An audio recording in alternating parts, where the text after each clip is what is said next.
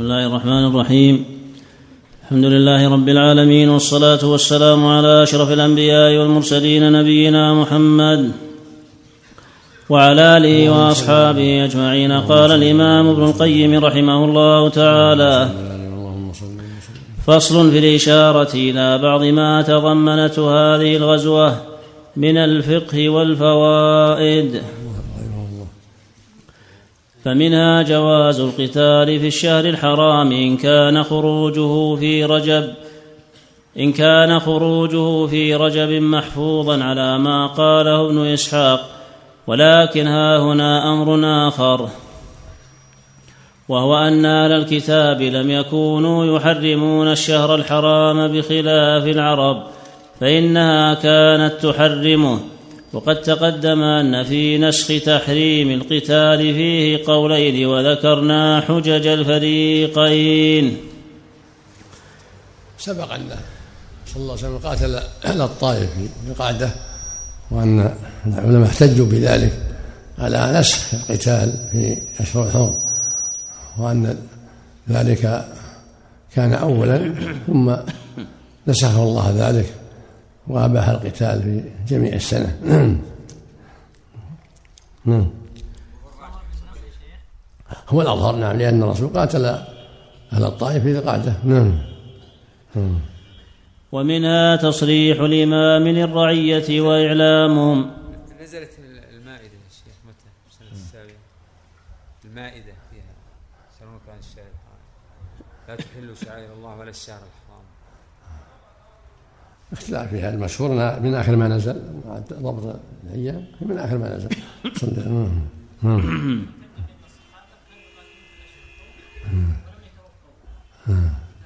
نعم. نعم. ومنها تصريح الإمام للرعية وإعلامهم بالأمر الذي يضرهم ستره وإخفاؤه ليتاهبوا له ويعدوا له عدته. وجواز ستر غيره عنهم وجواز ستر غيره عنهم والكناية عنه للمصلحة. ويجوز. ومنها. ومنها تصريح الإمام للرعية وإعلامهم بالأمر الذي يضرهم ستره وإخفاؤه ليتأهبوا له ويعدوا له عدته. لأنه أخبرهم بوجهه. صلى الله عليه وسلم. في غزوة تبوك لأن الأمر عظيم لهذا أوضح لهم جهته عليه الصلاة والسلام. نعم. وجواز ستر غيره عنهم والكناية عنه للمصلحة. للحديث الآخر كان إذا أراد غزوة ورى بغيرها. صلى الله عليه وسلم. نعم. وجواز ستر غيره عنهم والكناية عنه للمصلحة. ومنها أن الإمام إذا استنفر الجيش لزمهم النفير. ولم يجز لأحد التخلف إلا بإذنه ولا يشترط في وجوب النفير تعيين كل واحد منهم بعينه. بل متى استنفر الجيش لزم كل واحد منهم الخروج معه وهذا أحد المواضع الثلاثة التي يصير فيها الجهاد فرض عين. لقوله صلى الله عليه وسلم وإذا استنفرتم فانفروا كما في الصحيحين. هذا يدل على متى استنفر الجيش استنفر من يصلح للقتال وجب عليهم النفير إلا من أذن له في القعود. وهذه المسألة إحدى المسائل الثلاث التي يجب فيها الجهاد إذا استنفروا وإذا حصل البلد العدو وإذا حضر الصفين. نعم. والثاني إذا حضر العدو البلد. حصر. إذا حض... هنا حضر. نعم إذا حصر العدو البلد والثالث إذا حضر بين الصفين. نعم ومنها وجوب الجهاد بالمال كما يجب بالنفس. وهذا إحدى الروايتين عن أحمد وهي الصواب الذي لا ريب فيه.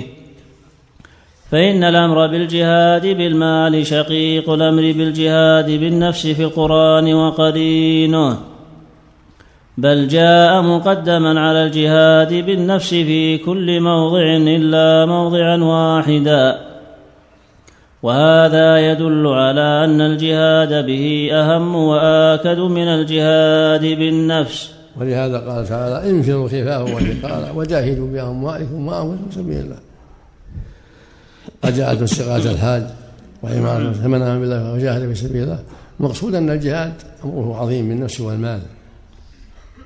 لأن المال صر في حاجات المجاهدين السلاح وغير السلاح والطعام وغير ذلك. فالنفع به عظيم. فلهذا شرع الله الجهاد بالنفس والمال. وأجب سبحانه الجهاد بالنفس والمال. وقدمه في آيات الجهاد إلا في آية واحدة. إن الله اشترى من أنفسهم وأموالهم بأن لهم جنة. قدم الأنفس في هذه الآية. إن الله اشترى من أنفسهم وأموالهم بأن لهم جنة. وبقية الآيات فيها تقديم الأموال. نعم. اللهم المستعان. ولا ريب أنه أحد الجهادين كما قال النبي صلى الله عليه وسلم من جهز غازيا فقد غزا. فيجب على القادر عليه كما يجب على القادر بالبدن. ولا يتم الجهاد بالبدن إلا ببذله ولا ينتصر إلا بالعدد والعدد. فإن لم يقدر أن يكثر العدد وجب عليه أن يمد بالمال والعدة. وإذا وجب الحج بالمال على العاجز بالبدن. لأن الله قال وأعدوا لهم ما استطعتم من قوة. نعم. نعم. وقال يا أيها الذين آمنوا خذوا حذركم. فلا بد من القوة ولا بد من أخذ الحذر. وذلك بالله ثم بالنفس والمال. نعم. وإذا وجب الحج بالمال على العاجز بالبدن فوجوب الجهاد بالمال أولى وأحرى. ومنها ما برز به عثمان بن عفان رضي الله عنه. من ومنها ما برز به تشديد. ومنها ما برز به عثمان بن عفان رضي الله عنه من النفقة العظيمة في هذه الغزوة وسبق به الناس. اللهم الله فقال النبي صلى الله عليه وسلم غفر الله لك يا عثمان ما أسررت وما أعلنت وما أخفيت وما أبديت. ثم قال ما ضر عثمان ما فعل بعد اليوم وكان قد أنفق ألف دينار وثلاثمائة بعير بعدتها وأحلاسها وأقتابها. ومنها أن العاجز بماله لا يعذر حتى يبذل جهده ويتحقق عجزه. فإن الله سبحانه إنما نفى الحرج عن هؤلاء العاجزين. بعد أن أتوا رسول الله صلى الله عليه وسلم ليحملهم فقال لا أجد ما أحملكم عليه. فرجعوا يبكون لما فاتهم من الجهاد فهذا العاجز الذي لا حرج عليه. ومنها استخلاف الإمام إذا أن العاجز هو الذي لا يستطيع الجهاد. إما بنفسه وإما بنفسه وماله.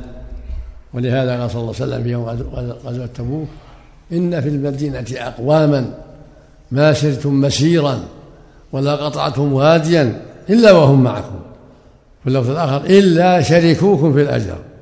قالوا يا رسول هم في المدينة؟ قال وهم في المدينة. حبسهم العرض العذر. في اللفظ الآخر حبسهم المرض. نعم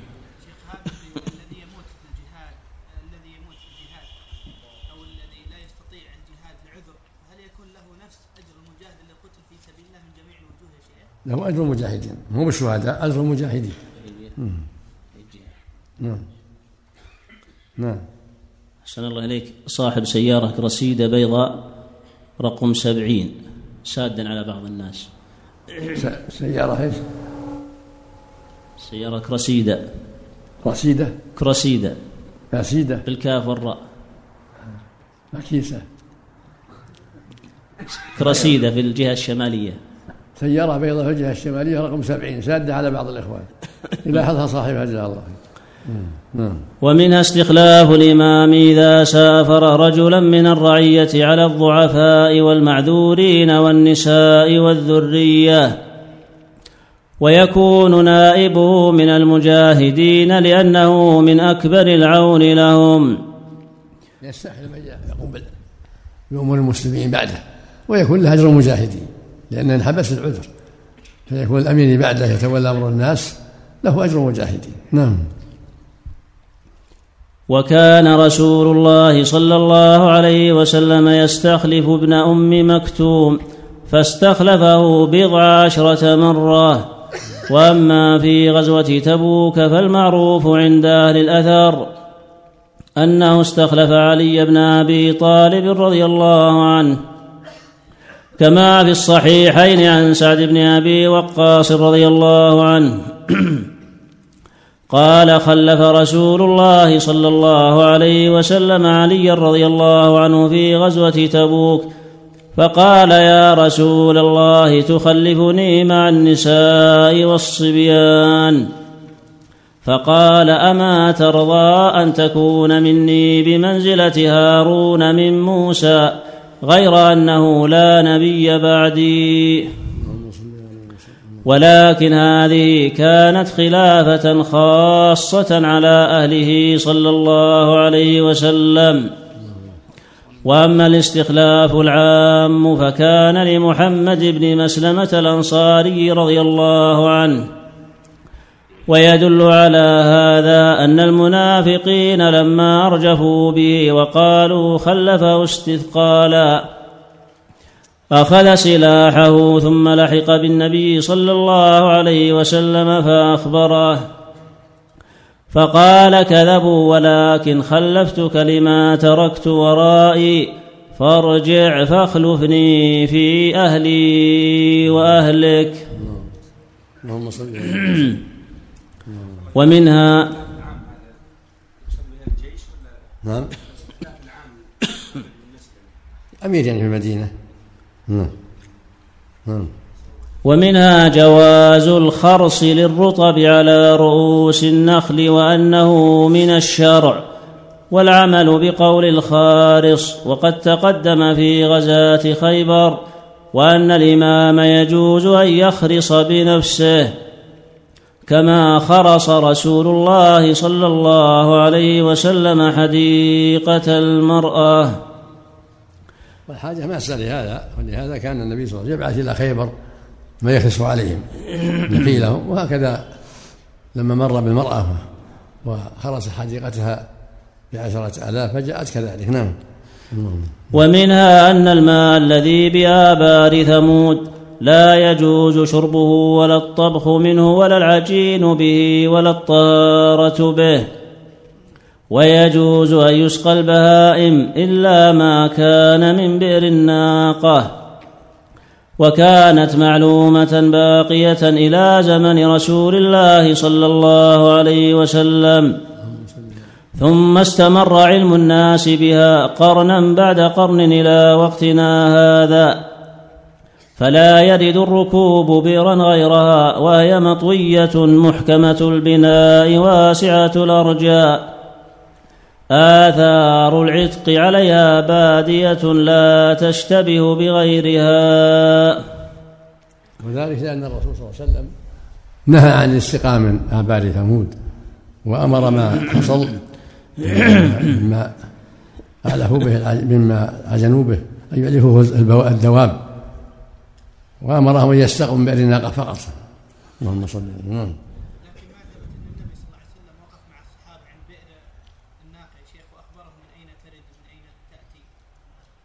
ما أتذكر الآن لكن مقصود بئر الناقة استقوا منها نعم. هل يجوز أن يتيمم من الأرض التي هي لا لا الأصل لا بأس. هم ولا لا مسجدا وطهورا نعم. ها؟ لا لا إلا إلا برناقة.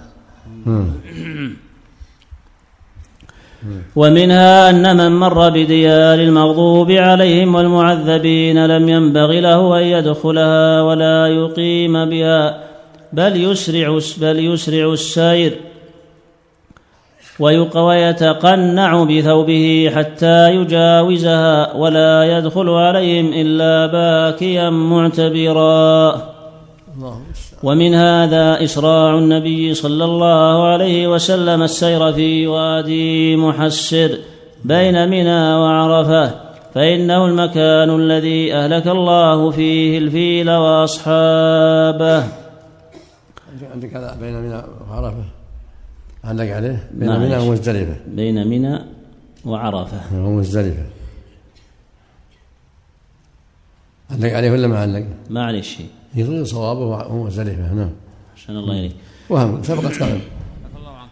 هذا التعليل اسراع النبي في وادي محسر لأن تعليله بأنه موطن عذاب. هذا منصوص. أي لأن حسر فيه في الحبشة نعم. لكن سر الاسراع هل جاء به النقل؟ الله عنك. ما أتذكر الآن أقول ما أتذكر اللي أشار لها النبي ما أتذكر شيء الآن وهل أسرع النبي في ذهابه إلى عرفات؟ لما مر به جابر ذكر في العودة فيما أذكر أنا والله ما يحتاج إلى تأمل أو يحتاج إلى تأمل؟ نعم.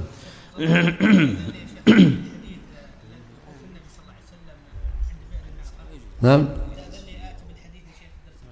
ما هي بس جزاك الله. نعم. ومنها أن النبي صلى الله عليه وسلم كان يجمع بين الصلاتين في السفر. وقد جاء جمع التقديم في هذه القصة في حديث معاذ رضي الله عنه كما تقدم وذكرنا علة الحديث وذكرنا علة الحديث ومن أنكره. ولم يجئ جمع التقديم عنه في سفر إلا هذا. وصح عنه جمع التقديم بعرفة قبل دخوله إلى عرفة فإنه جمع بين الظهر والعصر في وقت الظهر فقيل ذلك لأجل النسك كما قال أبو حنيفة وقيل لأجل السفر الطويل كما قاله الشافعي وأحمد. وقيل لأجل الشغل وهو اشتغاله بالوقوف واتصاله إلى غروب الشمس. قال أحمد يجمع للشغل وهو قول جماعة من السلف والخلف وقد تقدم. ومنها جواز التيمم بالرمل. والصواب أنه صلى الله عليه وسلم جمع من أجل السفر. وكان جمع التقديم أرفق بالناس. فالجمع في السفر يكون يراعى فيه ما هو ما هو الأرفق. هذا فالجمع جائز للمسافر قدم أو أخر لكن يراعي, يراعي ما هو الأرفق به. ما هو الأرفق. عفى الله عنك واهل مكة. نعم. يعني إذا صلوا مع الناس مثلهم. تبع الحجاج. إما إما لأجل النسك وهو وهو الأظهر أو لأجل السفر كما قال بعض أهل العلم. ترون أنه وجيه للسفر؟ الأقرب والله أنه لأجل النسك حتى يكونوا مع مع المسلمين ويتفرغوا للعبادة. نعم. الديار التي تقصد فيها البراكين والزلازل ها؟ تكون الديار المغضوب عليه نعم. الديار التي تقصد فيها الز- الزلازل والبرا- والبراكين. لا به من هذا الباب. لا. نعم. أحسن الله إليك. نعم. الأرجح أنه للسفر أو للنسك. نعم. الجمع هذا. أن للسفر. للسفر. ولهذا استمر عليه الصلاة والسلام يقصر حتى رجع إلى المدينة. مم. اللهم صل عليه وسلم أما قصر جمعهم معه فلعله لأجل النسك أو جمعهم قصر جمعهم معه لعله لأجل النسك قصرهم معه. و- و- وعلى قول الشيخ تقي الدين رحمه الله وجماعة أنه من أجل السفر لأنه يرى ما بين مكة وعرفات سفر يسمى سفر. والمشهور عند الجمهور لا يسمى سفر.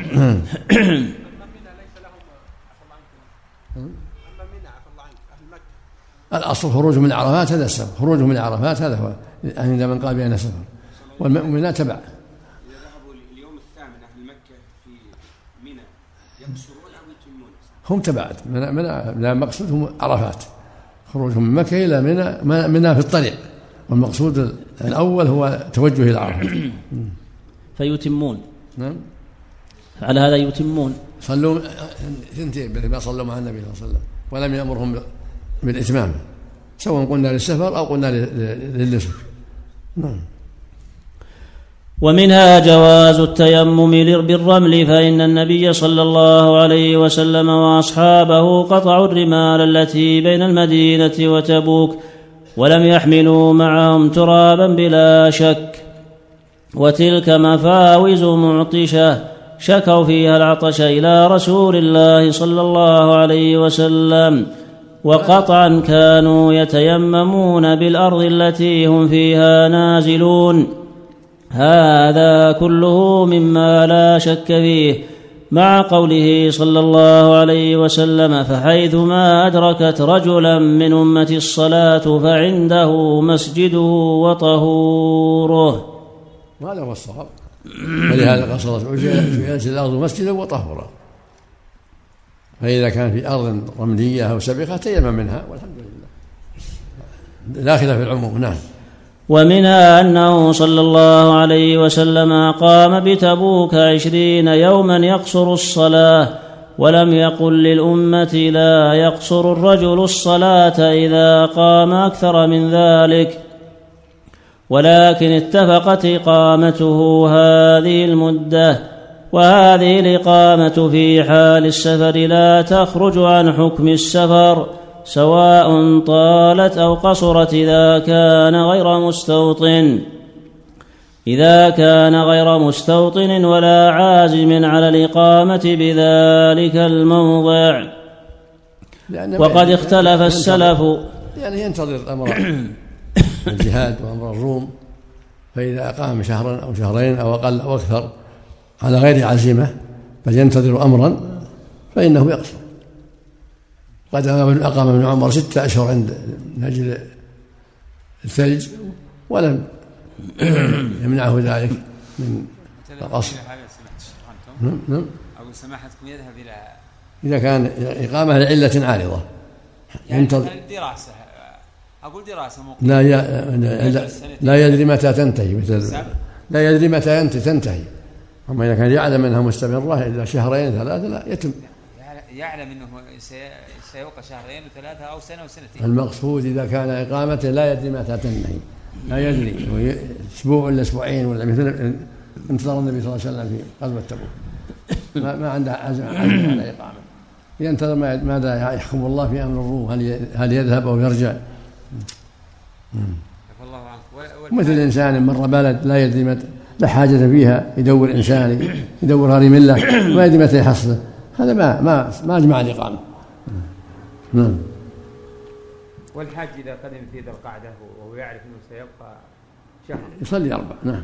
يصلي أربع. إلا إذا عزم على إقامة أربعة أيام أكثر من أربعة أيام على رأي الجمهور. أما الذي قدم في ذي القعدة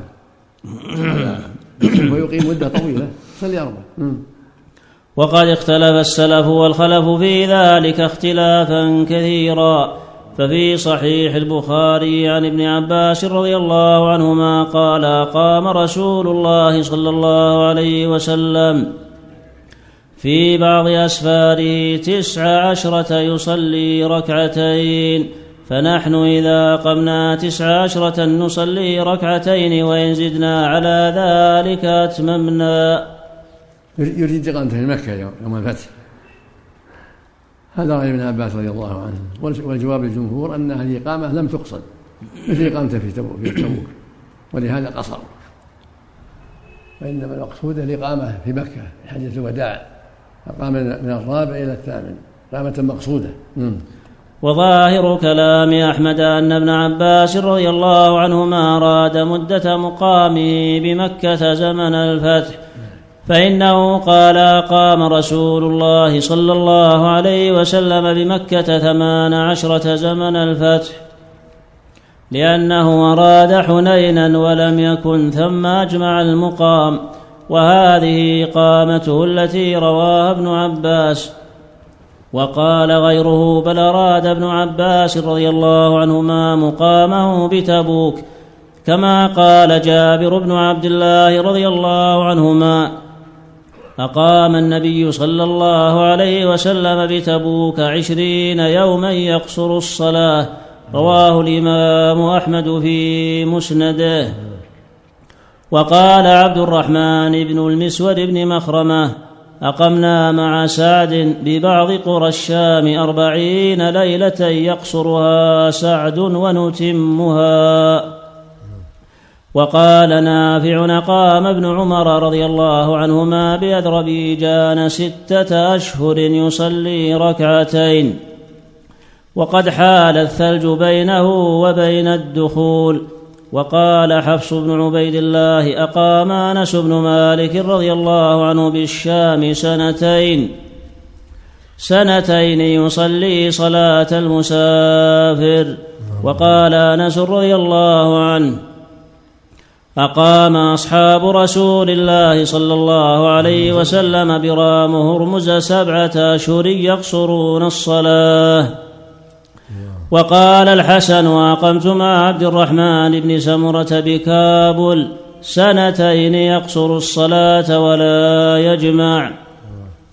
وقال إبراهيم كانوا يقيمون بالري السنة وأكثر من ذلك وسجستان السنتين فهذا هدي رسول الله صلى الله عليه وسلم وأصحابه كما ترى وهو الصواب. وأما مذاهب الناس فقال الإمام أحمد إذا نوى إقامة أربعة أيام إقامة أربعة أيام أتم وإن نوى دونها قصر. وحمل هذه الآثار على أن رسول الله صلى الله عليه وسلم وأصحابه لم يجمع الإقامة البتة.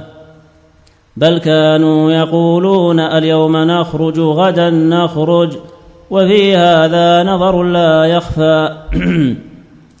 فإن رسول الله صلى الله عليه وسلم فتح مكة وهي ما هي واقام فيها يؤسس قواعد الإسلام ويهدم قواعد الشرك ويمهد أمر ما حولها من العرب.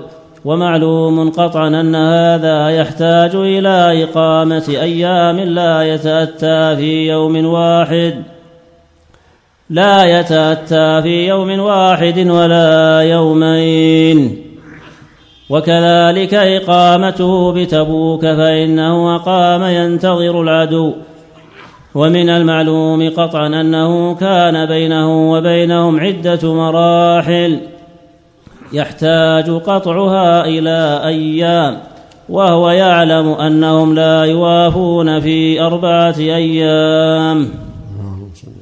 وكذلك إقامة ابن عمر رضي الله عنهما بأذربيجان ستة أشهر يقصر الصلاة من أجل الثلج. ومن المعلوم أن مثل هذا الثلج لا يتحلل ويذوب في أربعة أيام بحيث تنفتح الطرق. وكذلك إقامة أنس رضي الله عنه بالشام سنتين يقصر. وإقامة الصحابة برام هرمز سبعة أشهر يقصرون ومن المعلوم أن مثل هذا الحصار والجهاد يعلم أنه لا ينقضي في أربعة أيام. وقد قال أصحاب أحمد إنه لو أقام لجهاد عدو أو حبس سلطان أو مرض قصر سواء غلب على ظن انقضاء الحاجة في مدة يسيرة أو طويلة. وهذا هو الصواب لكن شرطوا فيه شرطا لا دليل عليه. لا دليل عليه من كتاب ولا سنة ولا إجماع ولا عمل الصحابة.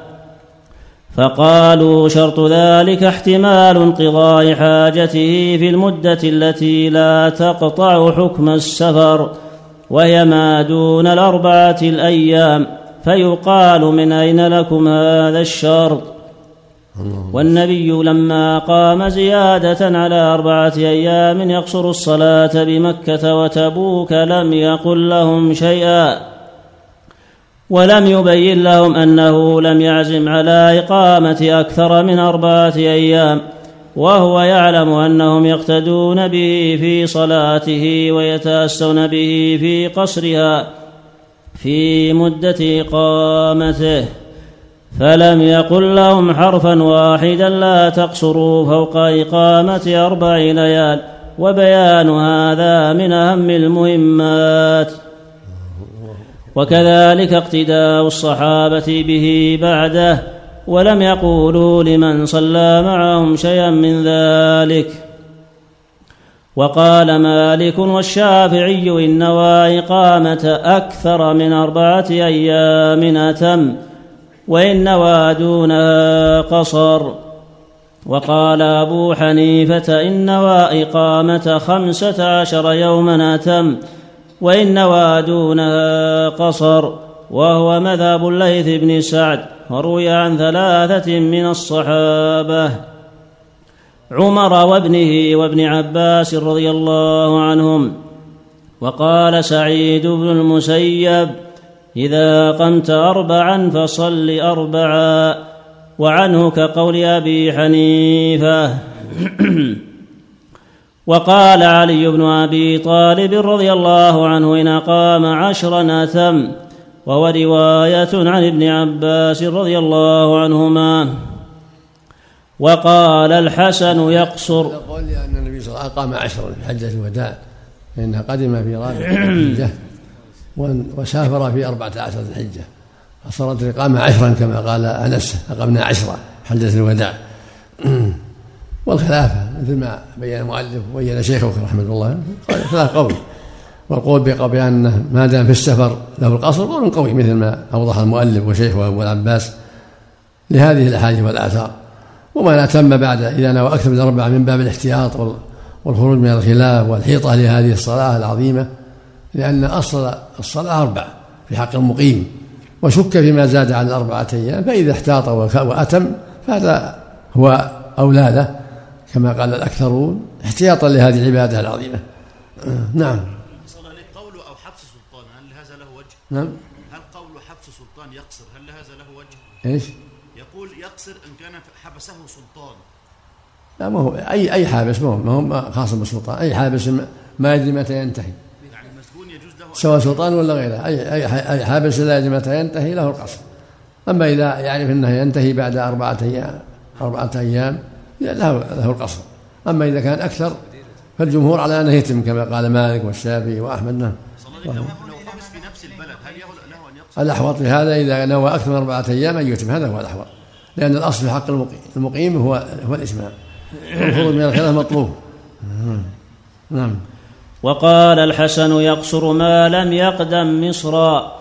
وقالت عائشة رضي الله عنها يقصر ما لم يضع الزاد والمزاد. والأئمة الأربعة متفقون على أنه إذا قام لحاجة ينتظر قضاءها. يقول اليوم أخرج غدا أخرج فإنه يقصر أبدا إلا الشافعي في أحد قوليه. فإنه يقصر عنده إلى سبعة عشر أو ثمانية عشر يوما. والصواب ولا إذا يقصر قام لحاجة بعدها. متى؟ والصواب أنه إذا قام لحاجة لازمة تنتهي له القصر. إلا إذا كان واحد لا يصلي وحده يصلي مع الناس أربعة. نعم. عفى الله عنك. اذا من هذا البيان أن الصحابة مختلفون في المسألة. نعم. اللهم ارضى اللهم ارضى عنهم. فلا يحتج بقول بعضهم على بعض. نعم. الله نعم. نعم. قال ابن المنذر في إشرافه أجمع أهل العلم أن للمسافر أن يقصر ما لم يجمع إقامة وإن أتى عليه سنون. كما تقدم. يقول اليوم غدا اليوم أخرج بس غدا انتظر شيء. نعم. فصل. ومنها جواز بل استحباب حنث الحالف في يمينه إذا رأى غيرها خيرا منها. صل. أحسن الله إليك. اللهم صل. لماذا لماذا يقصر المحبوس مع إنه محبوس في نفس البلد؟ لأنه ما يدري متى ينتهي الحبس. ما يدري متى ينتهي الحبس. نعم. الأخ يظن إنه ما هو مسافر. لا إذا كان في بلده لا يتم هذا إذا كان مسافر. نعم. نعم. نعم.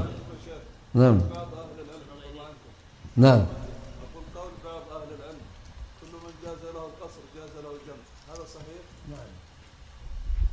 جمع تبع أسهل من القصر الجمع أسهل تبع من القصر. نعم. نعم. أحسن الله إليكم. يسأل بعض الإخوان عن ما يسمى بالشبكة التي اشتهرت في الزواجات أخيرا. الأمر واسع هذه أمور عادية ما فيها شيء. أقول أمور عادية ما لها تعلق بالعبادات.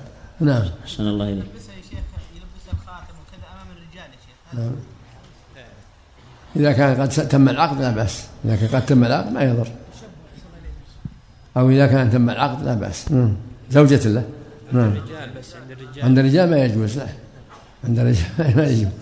نسأل الله نعم. نعم.